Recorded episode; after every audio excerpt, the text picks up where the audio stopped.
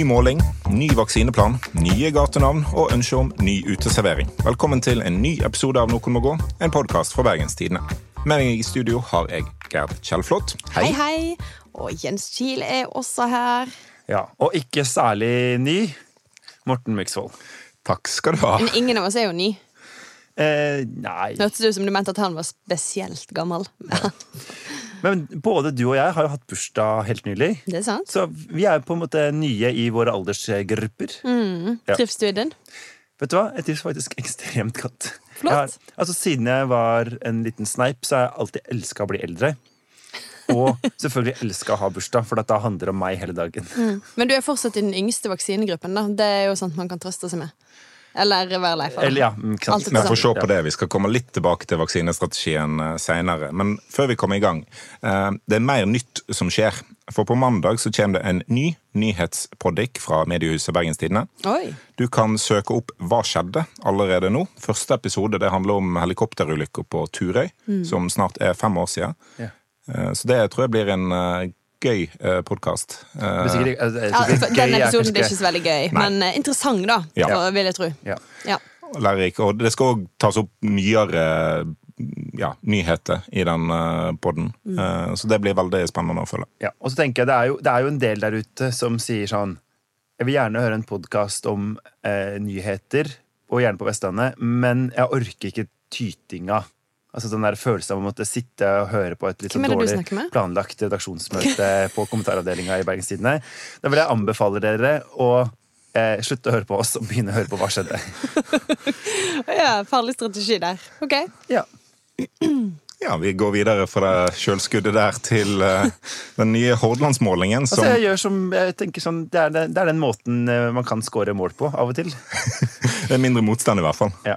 Vi skal videre til BTs nye Hordalandsmåling, som kom denne uka her. Der uh, ligger det an til at KrF mister plassen sin på Stortinget. Og det er jo historisk, Jens. ja, jeg skrev det. Ja. Uh, Så derfor er det det. Du har sagt at det er historisk? Nei, men eh, det er jo sånn at KrF blei stifta her i byen på eh, Bibelskolen i september 1933. Og noen uker etterpå så kom han eh, Lavik fra Osterøy inn på eh, Stortinget. Han sto, var jo egentlig venstremann. Og da han ikke fikk plass på eh, Venstres eh, liste, så gjorde Venstre som de jo veldig ofte gjør, nemlig deler seg i to. Og ut av det så kom eh, KrF. Og etter det så har jo eh, KrF vært permanent plassert på Hordalandsbenken i 88 år. Det eneste fylket hvor de har vært representert hele veien. Eh, inkludert den perioden eh, hvor Hordaland var et fylke uten Bergen. Og Det er jo fortsatt 4 KrF får i denne målingen, så det er jo ikke katastrofetall. Men de fikk 5,5 sist, og det, det er kanskje det de må opp på for å nå sperregrensa nasjonalt. For det var jo bare så vidt det gikk forrige gang. Ja. Altså de har jo eh, Får de 4% i Hordaland, så får de garantert ikke en plass over sperregrensa nasjonalt. Og da får de heller ingen direktevalgt fra Hordaland. Nei. Så da er liksom- sitter da du de- igjen med ingenting. Da, da er det Olaug Bollestad, og that's it. Ja. Uh, Hun er jo underholdende, hun, da. Eh, altså, jeg har jo så mye fint å si om den dama, dama, men Hun har eh, sikkert lyst til å være sammen med noen andre Ja. på Stortinget. jeg unner henne eh, kollegaer. Ja, Virker som et sosialt vesen. Ja, jeg tror hun egner seg best for ikke å være liksom i et slags enkeltpersonsforetak. Ja, godt for Eh, nei, men Så det er jo veldig spesielt da, hvis de ryker ut. Um, og min teori i den eh, kommentaren jeg skrev, er jo at det rett og slett er at Dag Inge Ulstein, som nå er førstekandidaten, han, han bare eh, Han får ingen motstandere. For han, liksom, han klarer ikke å skape noen konflikter mellom KrF og andre eh, partier. Og det er jo litt rart, siden han noe av det han jobber masse med nå, er jo eh, vaksinesamarbeid med fattige land. Eh, som er kontroversielt i Norge, fordi vaksineringen her jeg føler mange går treigt. Og da skal vi liksom gi vekk våre vaksiner til, eh, til andre land. Ja. Eh, Der har han vært én gang på Debatten på NRK, og det er vel den gangen han har vært omtrent i riksmedia siden Ja. han ble statsråd. Men det er jo ikke en sak som han vinner på, det er jo bare en sak som andre eventuelt taper eller vinner på. Da. Altså, fordi at han er for at fattige skal få vaksiner, det er det jo mange som er. Ja. det er. Du trenger ikke stemme på KrF for å stemme på et parti som er for at fattige eh, land skal få vaksine. Nei. Så, Eh, men jeg tror jo Altså, KrF har jo vært et eh, veldig kontroversielt parti, men et parti hvor de har klart å finne kontroversielle saker hvor det tross alt er en stor minoritet som har ment det som KrF har ment. Og nå er mange av de sakene så perifere at det er eh, rett og slett vanskelig å finne folk som virkelig vil. For eksempel eh, altså, grunnlovsfeste eh, retten til liv, altså abortmotstand. Eh, motstand. Det er ikke mange i Norge som vil ha det. Nei. Eh, Og når de da har en partileder som er veldig opptatt av de sakene, så tror jeg det, det ser veldig vanskelig Jeg skjønner liksom ikke hvordan de skal klare å, å nå sperregrensa, da. Vi skal videre til to andre partier som arrangerer landsmøte denne helgen. Og SV er jo kanskje det av de to partiene da, som går inn i landsmøtet med mest optimisme. Det andre partiet er Venstre. Som Venstre det. eh, kanskje ikke har like grunn til å, å være glad for alle målingene som dukker opp. Det er, liksom, ja, det er lenge siden Venstre egentlig har hatt så mange grunner til å være glad. Ikke? Eller er jeg stygg nå? Nei, altså, de, Det kommer jo sikkert til å være positivt landsmøte, Ja, ja. fordi at de altså ny leder øh, En må på en måte klare å få fram litt optimisme for Mm. å Jeg tror jo at selv om de ligger an til at de ikke får til rusreformen sånn som de hadde håpa, så er den nok ekstremt samlende internt i Venstre. Ja. At det føles som sånn Ja da. Dette er en stor og viktig sak hvor vi kan gjøre en viktig forskjell for mange mennesker som trenger oss, Mm. og vi veit at vi kommer til å vinne fram til slutt. Og, Ja. ja. Og det er jo et landsmøte som uh, ikke kommer til å splitte partiet. Det er jo en seier i seg sjøl for, for Venstre. Altså, de skal ikke ta stilling til EU-spørsmålet, f.eks. Altså, her må jeg bare si, Morten, landsmøtet har ikke vært ennå. Nei, Altså, altså, det er alt mulig. den reelle Venstre så tenker jeg altså, La de nå få lov til å arrangere det landsmøtet før vi avklarer om de blei splitta eller ikke. Men av, av det jeg kan se, da, så virker det som om det vanskeligste for Venstre-landsmøtet er å oppfylle det målet de har satt seg sjøl, nemlig å kutte partiprogrammets lengde eh, ned til en tredjedel. Altså fra over 150 sider eh, til noen og 50-60 sider. Ja. Eh, det er målet der. Altså, da er det veldig mange formuleringer som ryker, veldig mange ting som blir tatt ut av partiprogrammet, og det smerter jo for folk Ja. eh, innad. Og det er jo alltid sånn ehm, for alle mulige interesseorganisasjoner. Sant? Mm. Altså om det er Mållaget eller Naturvernforbundet eller eh, en organisasjon for en eh, diagnose eller funksjonsnedsettelse. Så at dine topp tre-fire kampsaker er nevnt alle sammen, og at du har blitt anerkjent og sett. Ja. Da gir du jo gjerne det partiet et høyt terningkast, og du Ja. sier deg liksom veldig fornøyd med det. Eh, og det er jo et eller annet med at ved å ikke gjøre det, så, så blir man jo seende litt gråere ut, da. Så det har jo noen fordeler å ha et sjukt langt partiprogram eh, også. Ja, Men det har ikke funka så veldig bra for de hittil. da det, på, altså, Hvis vi skal tilbake til målingen, da. Venstre på denne målingen fikk 4% som ikke er så langt unna det valgresultatet de hadde i 2017 i Hordaland, 4,4. Og de er nærmest å klare å ta et mandat, men det er altså Men, men i utgangspunktet er de fortsatt ikke inne fra det Altså, Hordaland. for det hjelper sånn- hjelper ikke å være nærme å ta et mandat så lenge du ikke tar et mandat. Nei. Så Sveinung Rotevatn, som nettopp eh, gikk i kampen eh, her for å få være førstekandidat i Hordaland, han eh, med denne målingen hadde ikke kommet inn. Nei. Det samme gjelder alle de andre målingene som har vært for Venstre i Hordaland. Ja. Men de er altså relativt nære, og, og fire blank i i Hordaland er jo og det er bedre enn mange nasjonale målinger. Mm. eh, og de ligger nærmere et godt valgresultat i Hordaland enn nasjonalt. Men igjen så må de jo ha et godt valgresultat. Det er litt sånn som. KrF. altså En må gjøre det bra i Hordaland for å ha sjans nasjonalt. Og, Dette ja. er jo heartland for begge de to partiene. Ja. Kjerneområdet. Unnskyld. Men jeg tenker jo at eh, altså jeg, Da jeg satt og så på den målinga, så var det jo sånn at eh, KrF eh, henta ingen velgere fra andre partier, omtrent. Men det gjorde Venstre. Hvem henta de fra? Eh, de henta fra eh, høyresida og lagt til venstresida. Ja. Eh, venstre, altså. Og det tenker jeg jo er Det er det jo litt håp, for da er det jo litt sånn at, at det faktisk finnes noen velgere der ute som i utgangspunktet har tenkt sånn Ja, ja, men jeg kan godt vurdere eh, Jeg kan godt vurdere venstre i år. Ikke Ja. sant? Sånn at jeg tror det ser lysere ut for at Sveinung Rotevatn skal klare det og få et direktemandat, enn Ja, for, for han- Dag Inge Ulstein akkurat nå. Han har velgere som han kan lokke tilbake igjen, som i dag sier de vil stemme MDG eller SV, f.eks. Så der fins det jo et, potensial. Ja, og han har folk som, har, som han klarer å tiltrekke seg, og i tillegg til at de, begge partiene har en del på gjerdet da, Ja. som de kan eh, hente ned. Og da Ja, vil altså jo, Velgere som tidligere har stemt på dem, men som nå sier at de ikke veit. Ja. Det er jo ofte de man snakker om er- er de letteste velgerne å ta tilbake. Da. For hvis du allerede har sagt nei, jeg går til et nytt parti, da har du på en måte tatt et aktivt valg Ja. eh, igjen. da men, eh, Og KrF har ganske mange på gjerdet. Men Ja. Venstre har, har jo den fordelen at gjennom fire-fem stortingsvalg så er det jo veldig mange folk som har stemt Venstre. Det er bare at få gjentar det. Eh, Ja, alle er innom Venstre en eller annen gang i livet, liksom. ja.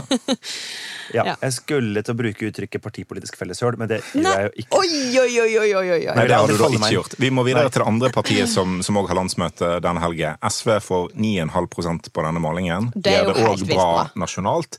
De havner litt i skyggen av Senterpartiet og Arbeiderpartiet Mm. på den, eh, i, i det alternativet, regjeringsalternativet der. Men de gjør det litt sånn sneaky godt, da. Mm. Ja. Eh, Og jeg tror jo at de har eh, At de egentlig litt syns det er litt greit òg, fordi at sånn Ikke sant Hvis du ehm, eh, ser på en måte hvordan Frp og Senterpartiet hele tida nå hakker på MDG, så klarer de jo Eller så finner de jo hele tida MDG sine mest ytterliggående ja. forslag. Og de er jo attraktive for en del, men jeg tror de, også de er et no go for en god del andre. Og da, hvis du tenker sånn Oi, kanskje det ble litt mye med MDG. Ja, og SV er vel også for miljø, men kanskje ikke så ekstrem. Altså de, Ja. At de kanskje faktisk har litt nytte av å stå litt i skyggen. Og det er et parti som er veldig godt posisjonert. For hvis du er på venstresida i Arbeiderpartiet, så kan du være litt sånn bekymra for en, eh, en Ap-Senterparti-regjering som kanskje må finne noen eh, flertall på høyresida. Um, og da er jo SV et parti som er åpen for å snakke med alle eh, på, på venstresida i norsk politikk. Eh, så, så der har på en måte SV klart å posisjonere seg bra. Og på vår måling så er jo Senterpartiet like stor som Nei, SV er like stor som Senterpartiet på det som betyr noe, nemlig mandatfordelingen. Begge Ja. får to representanter fra, fra Hordaland. Eh, og det er, det er et veldig sterkt valg for, eh, for Ja. SV. Det er lenge de siden sist SV har hatt Ja. to 20 i år. Hordaland. Ja. Ja. Og eh, et interessant trekk ved akkurat denne målinga Nå er jo dette med bakgrunnstall er jo en ganske sånn u, unøyaktig øvelse, får vi vel Ja. si. Men vi må ha lov til å spekulere. Ja, Men i hvert fall her så var det jo sånn at SV fikk 10% oppslutning i Bergen, og 9% i Hordaland Mm. Ja, utenfor Bergen. Og det er veldig interessant, fordi at sånne type storbypartier som MDG, Rødt, SV, Venstre har jo ofte slitt veldig med mobiliseringa utafor storbyene. Mm. Og forrige stortingsvalg var jo et ganske klart skille mellom Bergen og, og rest-Hordaland. Ja, og hvis eh, SV plutselig nå nærmer seg 10% oppslutning ute på bygdene yep. i Hordaland, og i tillegg da kan mobilisere kraftig i byen, eh, hvor de jo har ligget på, på kommunemålingene på sånn 11-12-13% vel, hvis jeg ikke husker feil, så tenker jeg at, at det er faktisk ikke sikkert at, at toppen er nådd for SV. Nei, for det er akkurat det jeg tenker. Dette ser veldig sterkt ut. Og SV har, eh, har eh, ligget ganske høyt lenge, eh, men nå er de altså på vei oppover. Eh, litt i motsatt eh, retning av Senterpartiet, som på en måte har ligget veldig høyt lenge, og nå er på vei Ja. nedover. Så ja, kanskje de har tima formtoppen sin litt bedre, da. Det virker også SV bygger organisasjonen veldig godt. At medlemstallene er ganske, ganske solide. Definitivt. Okay. Men uh, hva tror vi at uh, blir kampsakene på landsmøtet i SV, da? Nei, Det er en uh, måtte, Den største saken, virker det som, er, er eh, klima satt opp mot miljø. Eh, hvordan en skal veie, veie de eh, hensynene opp mot hverandre. Og så er jo jeg veldig spent på alltid hvordan partiet på venstresida eh, klarer å utforme klimapolitikk opp mot omfordeling. Eh, om, om det er noe klimapolitikk som skal gjennomføres selv om det har liksom usosiale konsekvenser, men bare fordi det er så effektfullt på klima, eh, eller om en alltid skal ta omfordelingshensynet. Eh, så, så det tror jeg blir veldig spennende, da. Ja. Og så er jo det litt, Der har jo partiene litt ulike profiler, fordi SV har jo ofte vært et sånt rent storbyparti. Og da er det jo, eller ikke rent, da, men liksom, hovedsakelig det. Og da er det jo ganske lett å si f.eks. at vi innfører høye avgifter på eh, drivstoff, fordi at eh, for oss her i SV så er det sånn at de fattigste som vi representerer, de kjører ikke bil. De kjører T-bane i Oslo, eller de tar bussen i Bergen, eller et eller annet. Eh, men så eh, får du på en måte det inn at på bygda så er det mange med dårlig inntekt som, som kjører bil. Alle kjører jo bil på bygda. Ja. Sånn at, og da, på en måte, da blir regnestykket mer komplisert. Da. Eh, og det tror jeg jo at forskjellen på et 4% SV, som egentlig bare mobiliserer i Oslo og Bergen og Trondheim, og et 8-9 SV, som også må ta hensyn til eh, Gudbrandsdalen og Indre Agder, det er to litt ulike partier, sånn sett. Ja. Men det med den fordelingen mellom klima og miljø får veldig sånn altså, Jeg er jo spent på hvordan de, de klarer det. For når de presenterer Nord-Norgebanen som et av de liksom, store prosjektene, så, LOL. så sier en jo at det har en veldig stor klimagevinst. En sier at det ikke er veldig skadelig for miljøet. eh, Og så er ikke det nødvendigvis sant. Eh, Så det handler jo veldig masse om hvordan en eh, hva, hva fakta baserer det, de diskusjonene på. Om en klarer å lande på noe som både er klimavennlig og ikke for inngripende på miljøet. Ja. SVs gruppeleder i Stavanger hadde jo eh, Eirik Faret Sakariassen, som jeg får si er en slags kompis, eh, for å være helt eh, ærlig, hadde jo kronikk i Klassekampen denne uka med ja til lyntog. Og det er jo sånn derre Ja, det høres dødsgøy ut, eh, men hvordan skal Høyfjellet, hvordan skal Hardanger, hvordan skal eh, jordbruksbygdene på Østlandet se ut når man har lagt en sånn 100-200 meter brei trasé og en enorm skjæring. Spesielt siden vi har traseer fra før som kan kortes litt inn. Ja. Eh, som kan økes Så her- hastigheten på uten enorme inngrep i Ja. f.eks. Hardanger. Det er jo, en eh, dette er jo de vanskeligste diskusjonene, tror jeg, for SV fremover.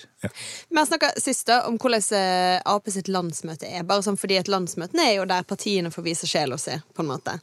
Eh, jeg har- syns bare det er litt gøy, og nå har vi da to nye partier. Eh, jeg har fortsatt ikke vært på verken SV eller Venstre sine landsmøter. Men SV, hvis jeg skal komme med mine fordommer mot SV sitt landsmøte, Ja. der er rødvinsflaskene Der står de rett på bordet.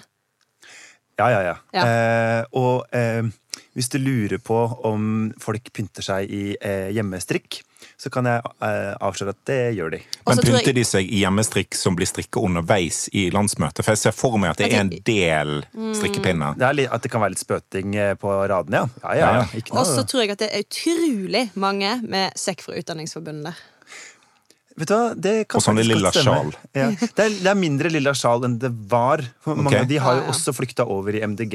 Ja. Um, at liksom hele den her eh, Ikke alternativ som i sånn der eh, astrologi, men som i litt sånn eh, Steinerskole og uh, økologisk mat og sånt noe. Mye av det har jo SV mista.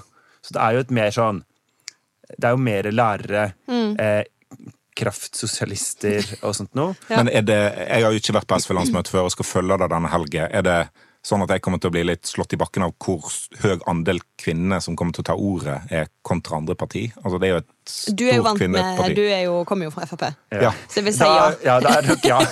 Eh, fordi eh, eh, jeg tror dette her er altså, Dette er jo eh, hvordan vi snakker om for eksempel kvinneregjeringa til Gro, som vel var omtrent 50-50. Vi kunne kalt det en manneregjering, fordi det var like mange menn der. eller kanskje flere til meg. Ikke sant? Og sånn er det jo at det derre eh, eh, En forsamling som er med 50% kvinner, så oppfatter man det jo som en, En kvinneforsamling. en kvinnedominert Her er noen som har tatt grep for å liksom løfte kvinnene opp til likt. Ja.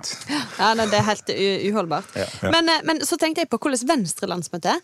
Og da bare satt jeg og var sånn Jeg aner ikke. Jeg, klar, jeg klarte ikke altså, Eneste jeg ser for meg, er at folk sitter og ser litt rart på hverandre og snakker om såkornsfond. Eh, og inkubatorordninger. Jeg ville satt opp en, eh, jeg ville satt opp en bingo som deler seg litt mellom sånn eh, små og mellomstore bedrifter-ord, som såkornfond og innovasjon og det type, og eh, gamle statsministre.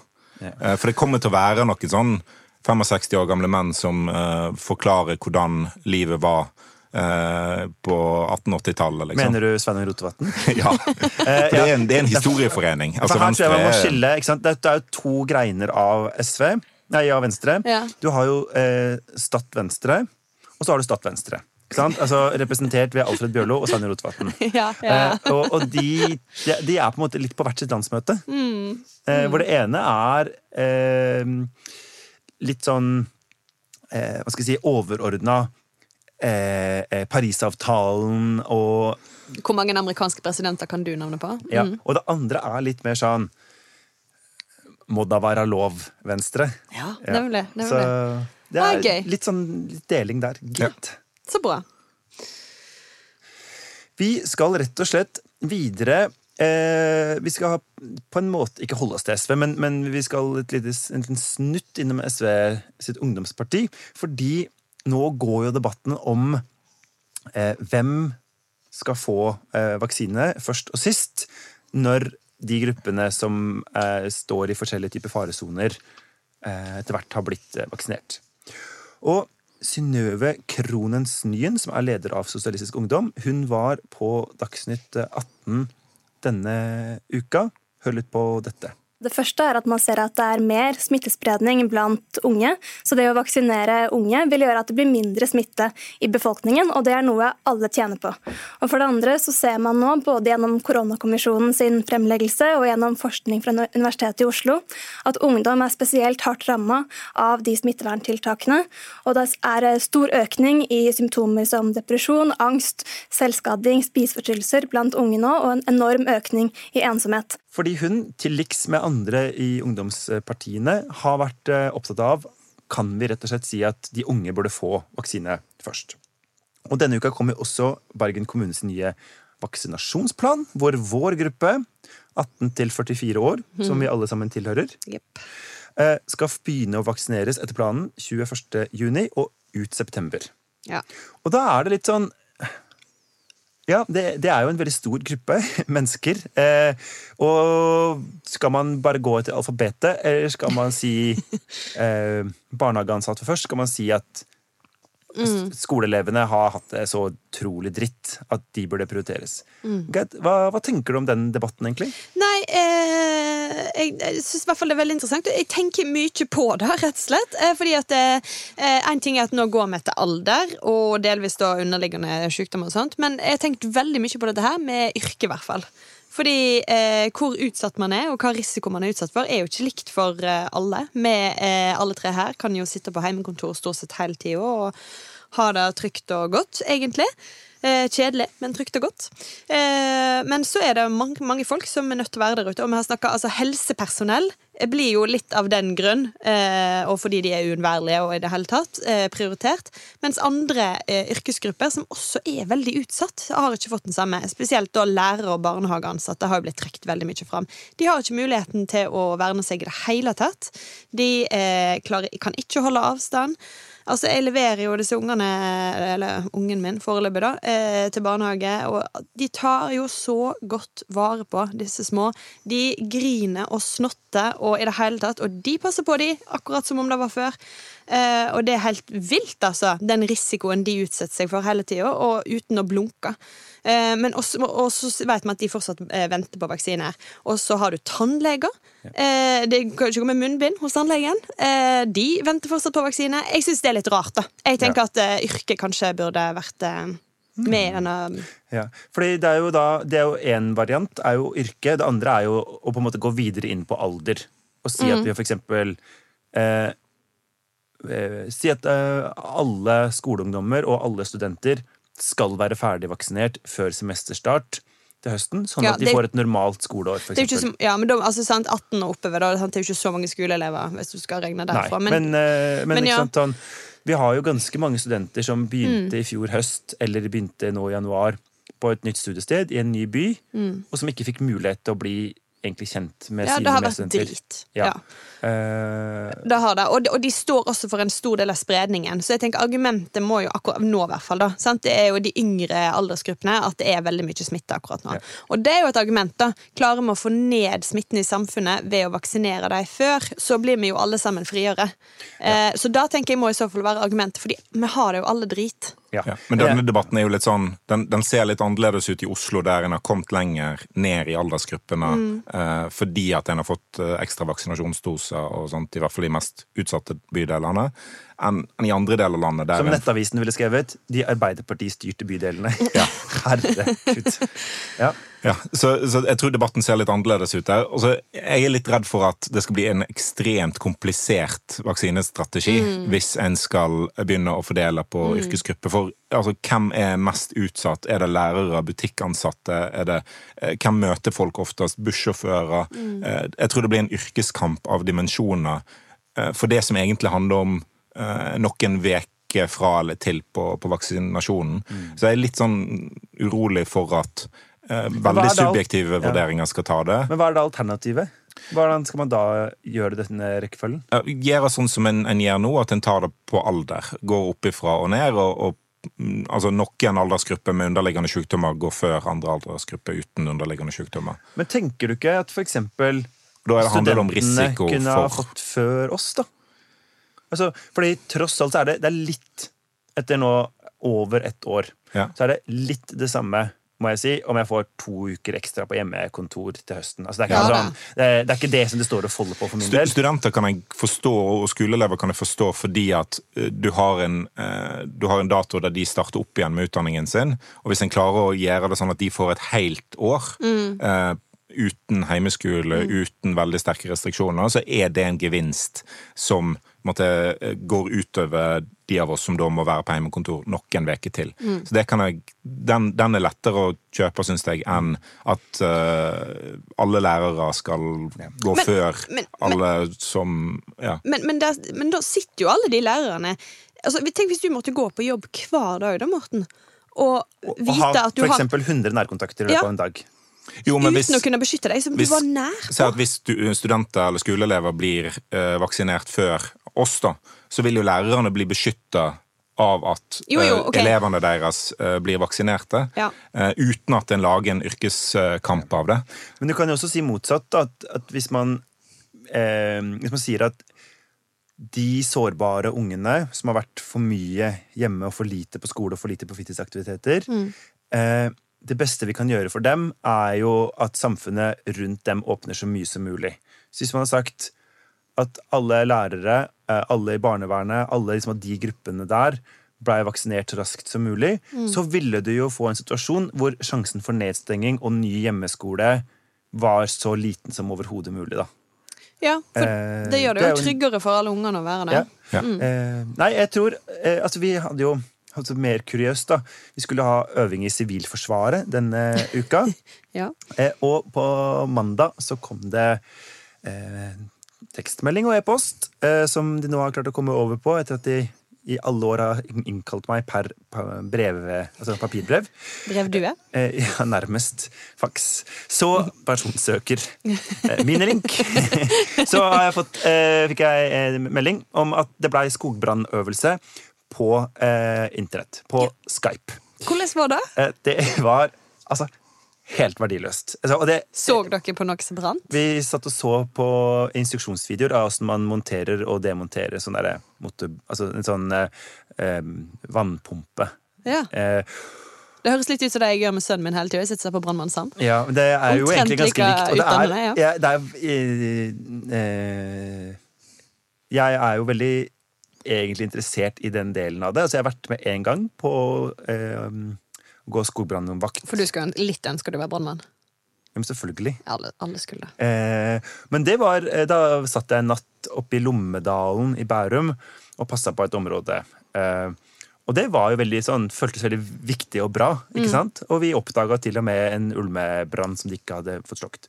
Og da var det sånn eh, Hvorfor kan ikke vi bli vaksinert, da? Eh, fordi nå, det sånn, Hvis nå kommer skogbrann på Vestlandet, Nei, så skal ja. jeg si jeg tar, send meg en e-post. Jeg synes Det beste forslaget så jeg i en Reuters video denne uka, der det var eh, franske vinsmakere mente at de nå burde rykke fram i eh, vaksinekøen. Fordi at eh, hvis de får koronasmitte, så kan det gå utover smakssansen deres. Eh, og dermed ta fra de levebrød. Og Der var det et intervju, eh, et intervju med ei som hadde hatt korona, som måtte lære seg å smake vin igjen.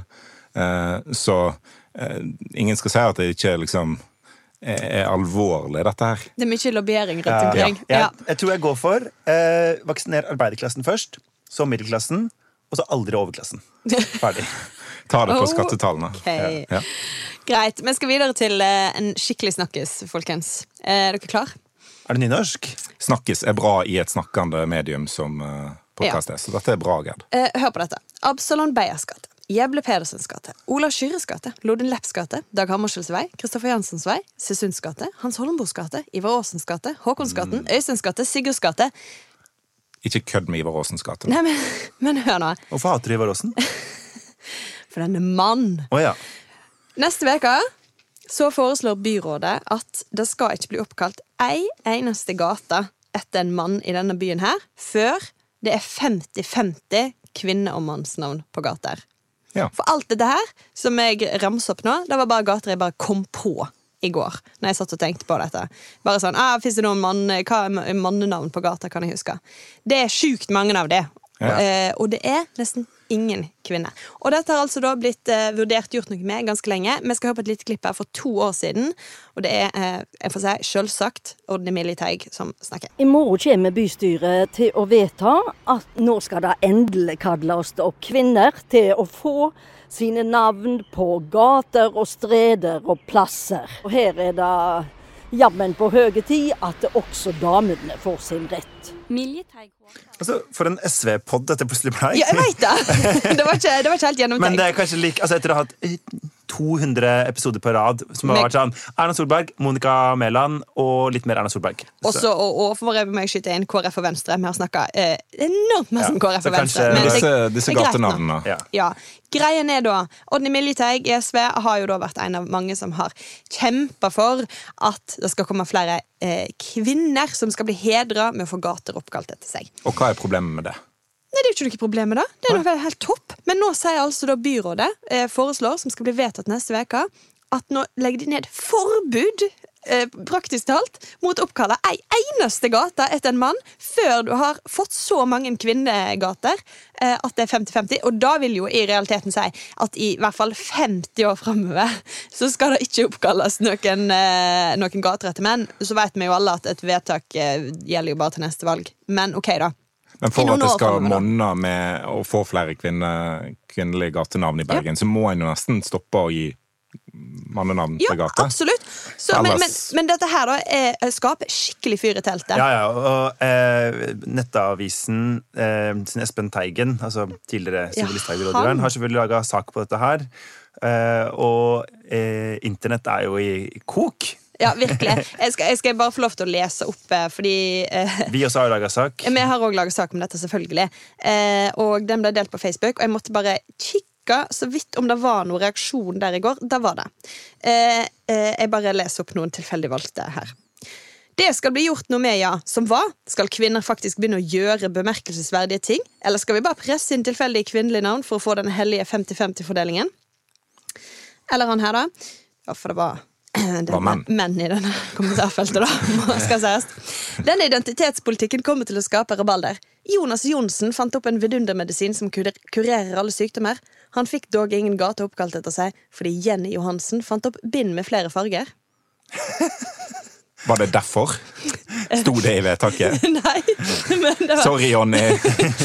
Vi gir det til flerfargebind, damer. Men altså, her mener jeg jo kanskje at eh, En ting er flerfargebind, men hva med Jenny Jensen, dansebanddronninga? Hun burde få en gate oppkalt etter Ikke sant? Men eh, fortsatt den eh, aller eh, kanskje Nei, ja, jeg bare leser opp uten å gi noen vurdering av denne kommentaren. Er ikke Strandkaien Kvinnegaten? Oi. For de som ikke er kjent med hva slags rykte Strandkaien har, vil du si noe om det, Gerd? Um, nei, jeg tror folk skjønner det nå. Tror du ikke det? Jeg tror folk skjønner det. Verdens eldste yrke holdt til med sin omsetning der i mange år. Anyways, da. folk, eh, en del av folk er raset. Folk syns dette er idiotisk. Men kanskje det er idiotisk? Hva syns dere? Altså, jeg reagerer på det der uh, identitetspolitikk-greiene. Bare at kvinner skal ha plass i samfunnet. Um, det, er sånn, det er jo identitetspolitikk å si at uh, menn bør ha flere gatenavn oppkalt etter seg enn kvinner fordi menn har vært viktigere. Altså, Det er en identitetspolitikk i det òg. Så syns jeg at det er litt sånn Gatenavn peker tilbake på historien. Gatenavn viser til en del folk som har gjort masse bra for samfunnet. Så jeg er helt enig i at det er veldig mange kvinner som har blitt glemt i den sammenhengen. Men det er liksom ikke nødvendigvis gatenavnfastsettingen som er kjønnsdiskriminerende, men det viser jo til et samfunn som har vært veldig kjønnsdiskriminerende, med at det er menn som har hatt veldig mange framtredende posisjoner. Når en oppkaller gate etter kjøpmenn og eh, borgermestere og eh, lektorer og sånt på på latinskolen, så, så var de jo ofte menn. Eh, Så en har på en måte flere å velge mellom. Eh, Så litt av utfordringen er jo å, å måtte klare å bevare det og vise at eh, gatenavnet til en by er et blikk tilbake i historien. Den har vært veldig kjønnsdiskriminerende. Men så må en jo òg si at hvis en skal klare å synliggjøre noen av de som kvinnene som har blitt glemt av historien, så tror ikke jeg det holder å bare pøse de kvinnenavnene inn i nye boligfelt eh, i Ytrebygda eller liksom ei, en ny, nytt burettslag i, i Åsane. Det er sentrumsgatene som på en måte har høy rang på navnefronten, og da, da må Oi, det det- nok en del eh, Veldig nedsettende satt du og sagt om Ytrebygda og sånn. Ja, men det, det må på en måte Det må De er på en måte. Bergens kvinner. Det er Nei, sånn, men- ja. Og det er jo noen navn å ta av i, i Bergen som kan byttes ut. Og, eh, altså, Absalon Beyers gate, som du nevnte, er jo et eksempel på Hvem er, eller hvem, Han er sikkert død, da. Hvem var Absalon Beyer? Han var lektor ved latinskolen. Slottsprest på Bergenhus. Nei, ja, ja. han var prest, ja. Ja, ja. Og skrev bøker og, og sånt. Ja, Folk Eh, gjorde jo mye forskjellig før men, men tingen er at uh, han, han uh, viser liksom noe av det hullet. da, For ja, han blir huska. Kona hans har kanskje, er kanskje bedre kjent enn en han. Anne Pedersdotter. Uh, ble brent på bålet som heks uh, på Nordnes. Og var vel på en måte starten på hekseprosessene i Norge. Men og hallo, ingen, kan jo ikke kalle opp noe til heks. Ah, jeg håper at Bergens Tidende lagde en sånn sak om de som var sånn Her er Bergens nye maktpar. Men vet du hva, jeg er helt enig. Jeg har faktisk bodd i Absalon Beyers gate. Det er utrolig slitsom gate å bo i hvis du skal fortelle adressen din til noen som skal altså, ja, for, Ja. sant? Mye bedre med P... eh, Ja, kanskje det var litt langt dag, egentlig. Ja. Men, Men, ja. eh, nei, og så er det jo eh, For Først da jeg så det, så tenkte jeg sånn Hvis Bergen har eksistert i snart 1000 år, Mm. eh, og gatene har jo kommet til Og noen av gatene er jo gørgamle i denne byen. ja, det er ikke gitt at de hadde samme navnet. Nei, men sånn, altså Lille Øvregaten, som jeg bodde i før, da. Mm. Gateløpet der er fra tidlig middelalder eller noe sånt nå. Ja. Ja da. Ja. Sant? Og eh, det at eh, Hvis vi må holde på i 1000 år til da, før vi kommer i mål Mm. Så lenge har ikke jeg tid til å vente på likestilling. Så egentlig mitt forslag er at eh, de bare tar konsekvensen av sitt eget vedtak og sier eh, vi kliner til og bytter ut halvparten av eh, mannsnavna, eller hvor mange man trenger for Mm. å komme i mål. Ja. Lodin lapp? sendemann for kongen, reiste på tur til Marokko og Egypt. Sorry, mann. Ja. Du, du har hatt Ja. de Det holder ikke. Ja, Willy Wiesvingen oppe på fløyen der. I, det er ingen som det er ingen, altså, Sorry, Willy. Men altså, hva, Free Willy. prøv å tenke. Kommer dere på noe altså, Hva gatenavn med kvinnenavn kommer dere på? Bare sånn top of your head. Amalie Skrams. Ja, det er det eneste jeg har kommet på. Og så etter jeg hadde sett dette klippet med Odny Militeig i går, eh, så sto hun i Torbrug Nedreårs gate som eh, nabo altså der i nærheten av der jeg bor. Eh, så det burde jeg jo ha huska, men det kom jeg faktisk ikke på. Men ja. Ja, hun også tenkte på forrige dag. Men det er utrolig få. Vi har jo noen sånne Mariakirken og sånn, da. Ja. Eh, Men det er generelt veldig tynt. Eh, Og så tenker jeg jo at eh, Ambrosias plass. vi bør jo passe på Det vil jo dø menn, dessverre. Eh, Det vil jo dø menn som eh, er verdt å få noe kalt opp etter seg. Frank Aarebrot har blitt nevnt i, i den sammenheng at kanskje, kanskje han hadde fortjent ei gate. Men det- Ja, det er jeg enig i, men eh, hele poenget her er jo at det er veldig mange kvinner som hadde fortjent en gate oppkalt etter Ja. seg, som har blitt glemt av historien, og som har venta lenger. Ja, men det er det jeg tenker at, at hvis man eh, sier at, at de mennene som nå er verdige en gate, eh, ikke får det fordi at de neste tusen åra må det være kvinnenes tur, så er jo det også litt synd. Sant? Det er derfor jeg tenker at det å, å renske ut alle sånne kan, kan Bergen gå videre uten at Sigurds gate heter Sigurds gate? Øysteins Ja. gate, en liksom, gammel konge. Altså kjipt for Øystein. Men eh, kjiperen det, pølsa. Hvis det er han, det er, altså Øystein Pettersen, som jeg kalte Petter. Nei, det er en konge på 1200-tallet eller noe sånt. Men hva kvinner skal få gater oppkalt etter seg? da? Men man trenger noen alternativer. Shilan Sjors. Ja. Ja, hun skal få en gate oppkalt etter seg. Eller et torg. ja. Ja. Anne flere? Pedersdotter, som jeg eh, nevnte. Ja. Kan jeg også få altså, Sissel Kirkebø? Men hun er ikke død ennå, da. Men altså, og, altså, takk for det. Ja. Men vi må ha noe Sissel Kyrkjebø. Ah, Det må være en slags aveny eller noe. Det, det må være en plass uh, der du har eh, en slags fakkel. Der du kan gå og se ilden lyse. Jeg er veldig, ja, jeg er veldig for, kjenner jeg. Ja, La oss gå og se Ilden lyse på Sissel Kirkebøs plass. Ja. Ja. Nei, men vi må jo Jeg syns vi bare må eh, eh, finne fram alle de damene som er sånn eh, Det er masse politikere, masse Altså, alle, alle menn, hvis, hvis du skulle tenke på én person nå, da, så er alle, så er alle sånn Ja, Erna Solberg.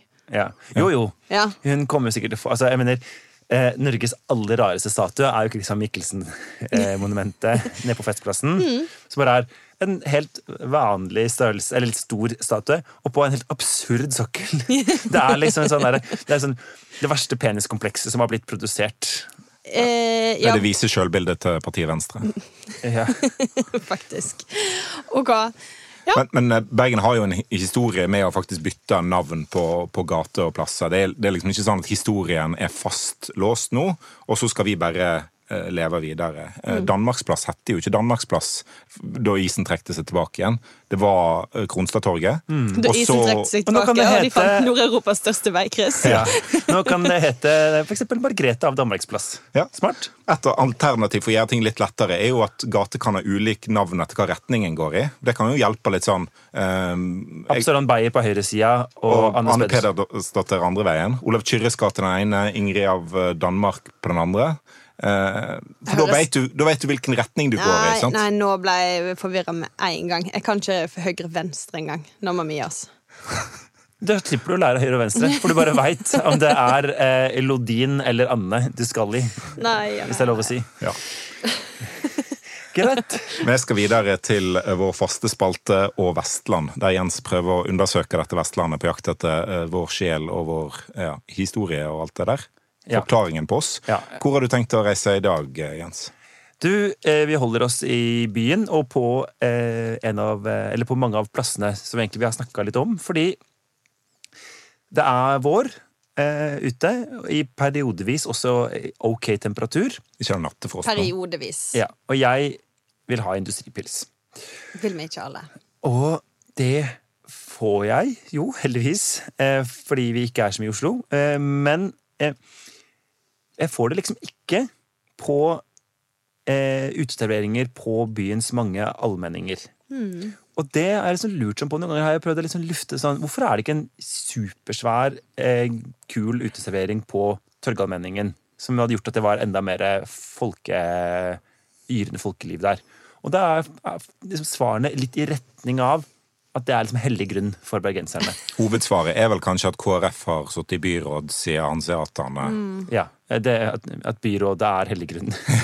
men, men altså, kan, så er det bare sånn For en dust som kommer fra Oslo og ikke helt skjønner hvordan Bergen henger sammen, eh, kan vi ikke bare ha en kjempesvær ølservering på Det er jo så mye plass i Bergen. Så Skjenkereglene til Bergen slår fast at alle plasser, alle, eh, torg, eller alle plasser og parker er i utgangspunktet alkoholfrie soner. Eh, så her skal en kunne eh, nyte byen uten å bli eksponert for Uten alkohol. for mye. eh, uten å bli eksponert for alkohol hele Det er tida. veldig vestlandsk, Det er for å beskytte barn og unge, det er for å liksom ikke privatisere all offentlig grunn, Mm. eh, fordi at du må kunne henge på, på Torgallmenningen uten å bruke penger. Ja, Det er jo litt vesentlig, det. Men, det er gratis. Men, men det slår jo litt rart ut innimellom. Altså Villa Paradiso, som nå har uh, etablert seg, de, der var det jo en sak i fjor om at kanskje de ikke fikk ha uh, dør mot Torgallmenningen fordi det var i alkoholfri sone. Uh, og, og da er du jo borti det, det absurde. ja. Mm. Det er fordi jeg tenker sånn, vi hadde jo nylig, eller Det var jo nylig saker om de som har uteservering mot torget. ja. Eh, og som hvor eh, uteserveringene bare krymper og krymper i takt med at staten sier mer og mer nei. For at dette er riksvei. ja. Og da tenker jeg sånn her, herlighet. Eh, der må vel folk få lov til å kose seg. Det er liksom en av de hyggeligste og mest sånn folkelige hjørnene av byen. Eh, det blir ikke bedre av at staten kommer og sier eh, her må det være mer vei og mindre øl. Der er jeg faktisk fullstendig uenig. da altså, men akkurat torget Men det, det er ikke plass, altså, der er det bare for, Ja, men det, det, det her er ikke noe gøy, liksom. Men der er det faktisk ikke plass Men dette ser vi andre plasser i byen òg. Kaffe Opera som har fått en uteservering redusert med årene fordi fylkeskommunen gjør på samme måte som staten og, og, og krever mer og mer eh, plass på, på fortauet til Ja, folk skal På jo kunne gå av- forbi, da. På vegne av alle landets øldrikkere, og oss er det noen av, så sier jeg vi krever også plass. Eh, Vi vil ha plass. Og det fins jo en mellomting eh, her mellom eh, å ha null av Torgallmenningen og 100% sant? Ja, jeg er enig i det. Eh, sånn som ikke sant, Holbergallmenningen, Korskirkeallmenningen Det er jo så mye plass, sånn som på Korskirkeallmenningen, da. Som er parkeringsplass. Å, herregud, så utrolig pittoreskt. Og mm, jeg bare elsker følelsen av å komme til denne nydelige plassen. Gi meg litt allmenning! Gi meg følelsen av middelalderbyen Bergen! Jeg får jo ikke det. Jeg får jo bare en sånn der Opel som står og dummer seg ut. Nei, ja, men Det er jo helt sant. Og vi har jo, altså Festplassen er jo helt det er jo, altså Der er det jo litt uteservering per i dag, da. Ja, og Bryg- Bryggen er det jo en del. Ja. Ja. Eh, Så Men- en har jo noen sånne plasser, selvfølgelig. Men det, det, det fins andre forklaringer enn at uh, regelverket er stramt. Altså det, det er dyrt å leie eh, Ja, disse uteserveringene på, på offentlig plass. Det er igjen kommunen som regulerer. Det kan en godt senke prisen på. Mm. Eh, og så er det noe med at været her ikke nødvendigvis er sånn superstabilt. Men det må jo de som driver, få lov til å velge Ja, og, jeg, og det må jeg bare si, for det, er- det, er- jeg tenker egentlig at det du sier der, Morten, er et argument for at Jems har helt rett. Fordi at um, uh, For nettopp det her med været er at når det er så få soldager, så må en utnytte de eh, som er. Eh, og da er det altså det må være helt utrolig eh, tilgjengelig å kunne eh, sette seg ned på en plass for å ta utepils når det er mulighet til det. Da må du kunne gjøre det på sekundet, for Ja. du veit jo ikke når den sola forsvinner igjen. Og det er sånn, Alle vil jo det samme. Da står alle i kø på Bryggen, sant? Ja. og så blir det smittepøl der. Eh, så det- nå er det altså, vi, vi trenger jo faktisk at det er utrolig tilgjengelig. Så jeg er egentlig helt enig med deg, den, Jens. den raskeste menneskelige bevegelsen som er observert av eh, vitenskapsfolk, det er jo en bergensk utelivsdriver som setter opp en uteservering idet sola dukker opp. Mm. Altså, det er bare sånn, Hakket raskere enn bergenseren som sikler på utepils med en gang gradestokken Ja, er passerer helt- fem. Ja. Men det er virkelig godt jobba.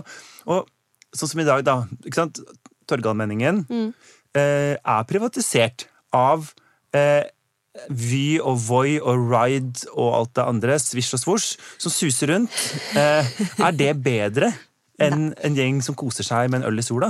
Nei, nei, det er jo ikke det. Nei, det, Altså, det er definitivt plass på Torgallmenningen. ja, Ja. det er det. Jeg vil bare ha liksom eh, Bergenserne flykter jo nå ut til kjøpesentrene. Mm.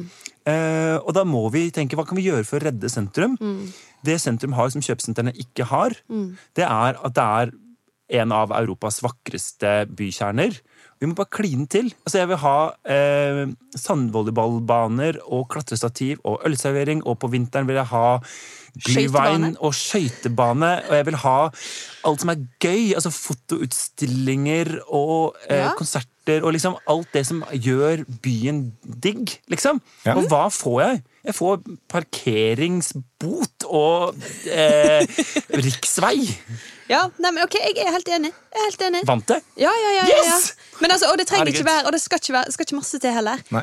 Hvert lille hjørne der en kan sette opp en eh, stol og, og få lov til å sitte litt grann i sola eh, med eh, hva man vil kjøpe seg, da. Og bare nyte livet litt. Sånn må det være i Bergen. Fordi vi har ikke for masse av vær som lar oss eh, eh, på en måte ha det fint. Så vi må Nei. utnytte hvert sekund av det. Eh, og det er en altfor fin by til å, til å ikke At den ikke skal være tilgjengelig på den måten. Jeg er helt enig. Ja. Nei, jeg er, jeg er enig. Da ble vi, da, for en gangs skyld så klarte vi å lande en slags faglig enighet eh, i Overstrand. Det er ikke, det er ikke hvert år. Ja. Betyr jo ingenting, da, for vi bestemmer jo ingenting. Nei. Nei. Før vi avslutter, er det noen som må gå denne uka? Ja, staten som nekter oss eh, utepils. Koronaen må gå. Ja, orker ikke mer. Gidder ikke mer. Nei. Vi vil bare sitte ute og drikke pils. Ja. Og alle menn må tydeligvis eh, gå. Ja, ja. Eller de har jo gått i grava, da, Ja. siden de har fått kattenavn. Så Absalon Bayer, you're out. You're fired. Innspill og tilbakemeldinger kan sendes til nmg-bt.no eller i Facebook-gruppa Noen må gå. Sleng gjerne inn kvinnenavn som kan brukes, og mannsnavn som kan fjernes fra Bergen. Vi kommer med en ny episode hver torsdag. Intromusikk var bergenser av Bjørn Torske. Produsent er Henrik Svanevik. Du finner eh, denne podkasten og den nye nyhetspodkasten til BT Hva skjedde? i BT-appen, eller hvor enn du laster ned podkaster fra verdensveven. Ha det bra! Ha det! og drikk.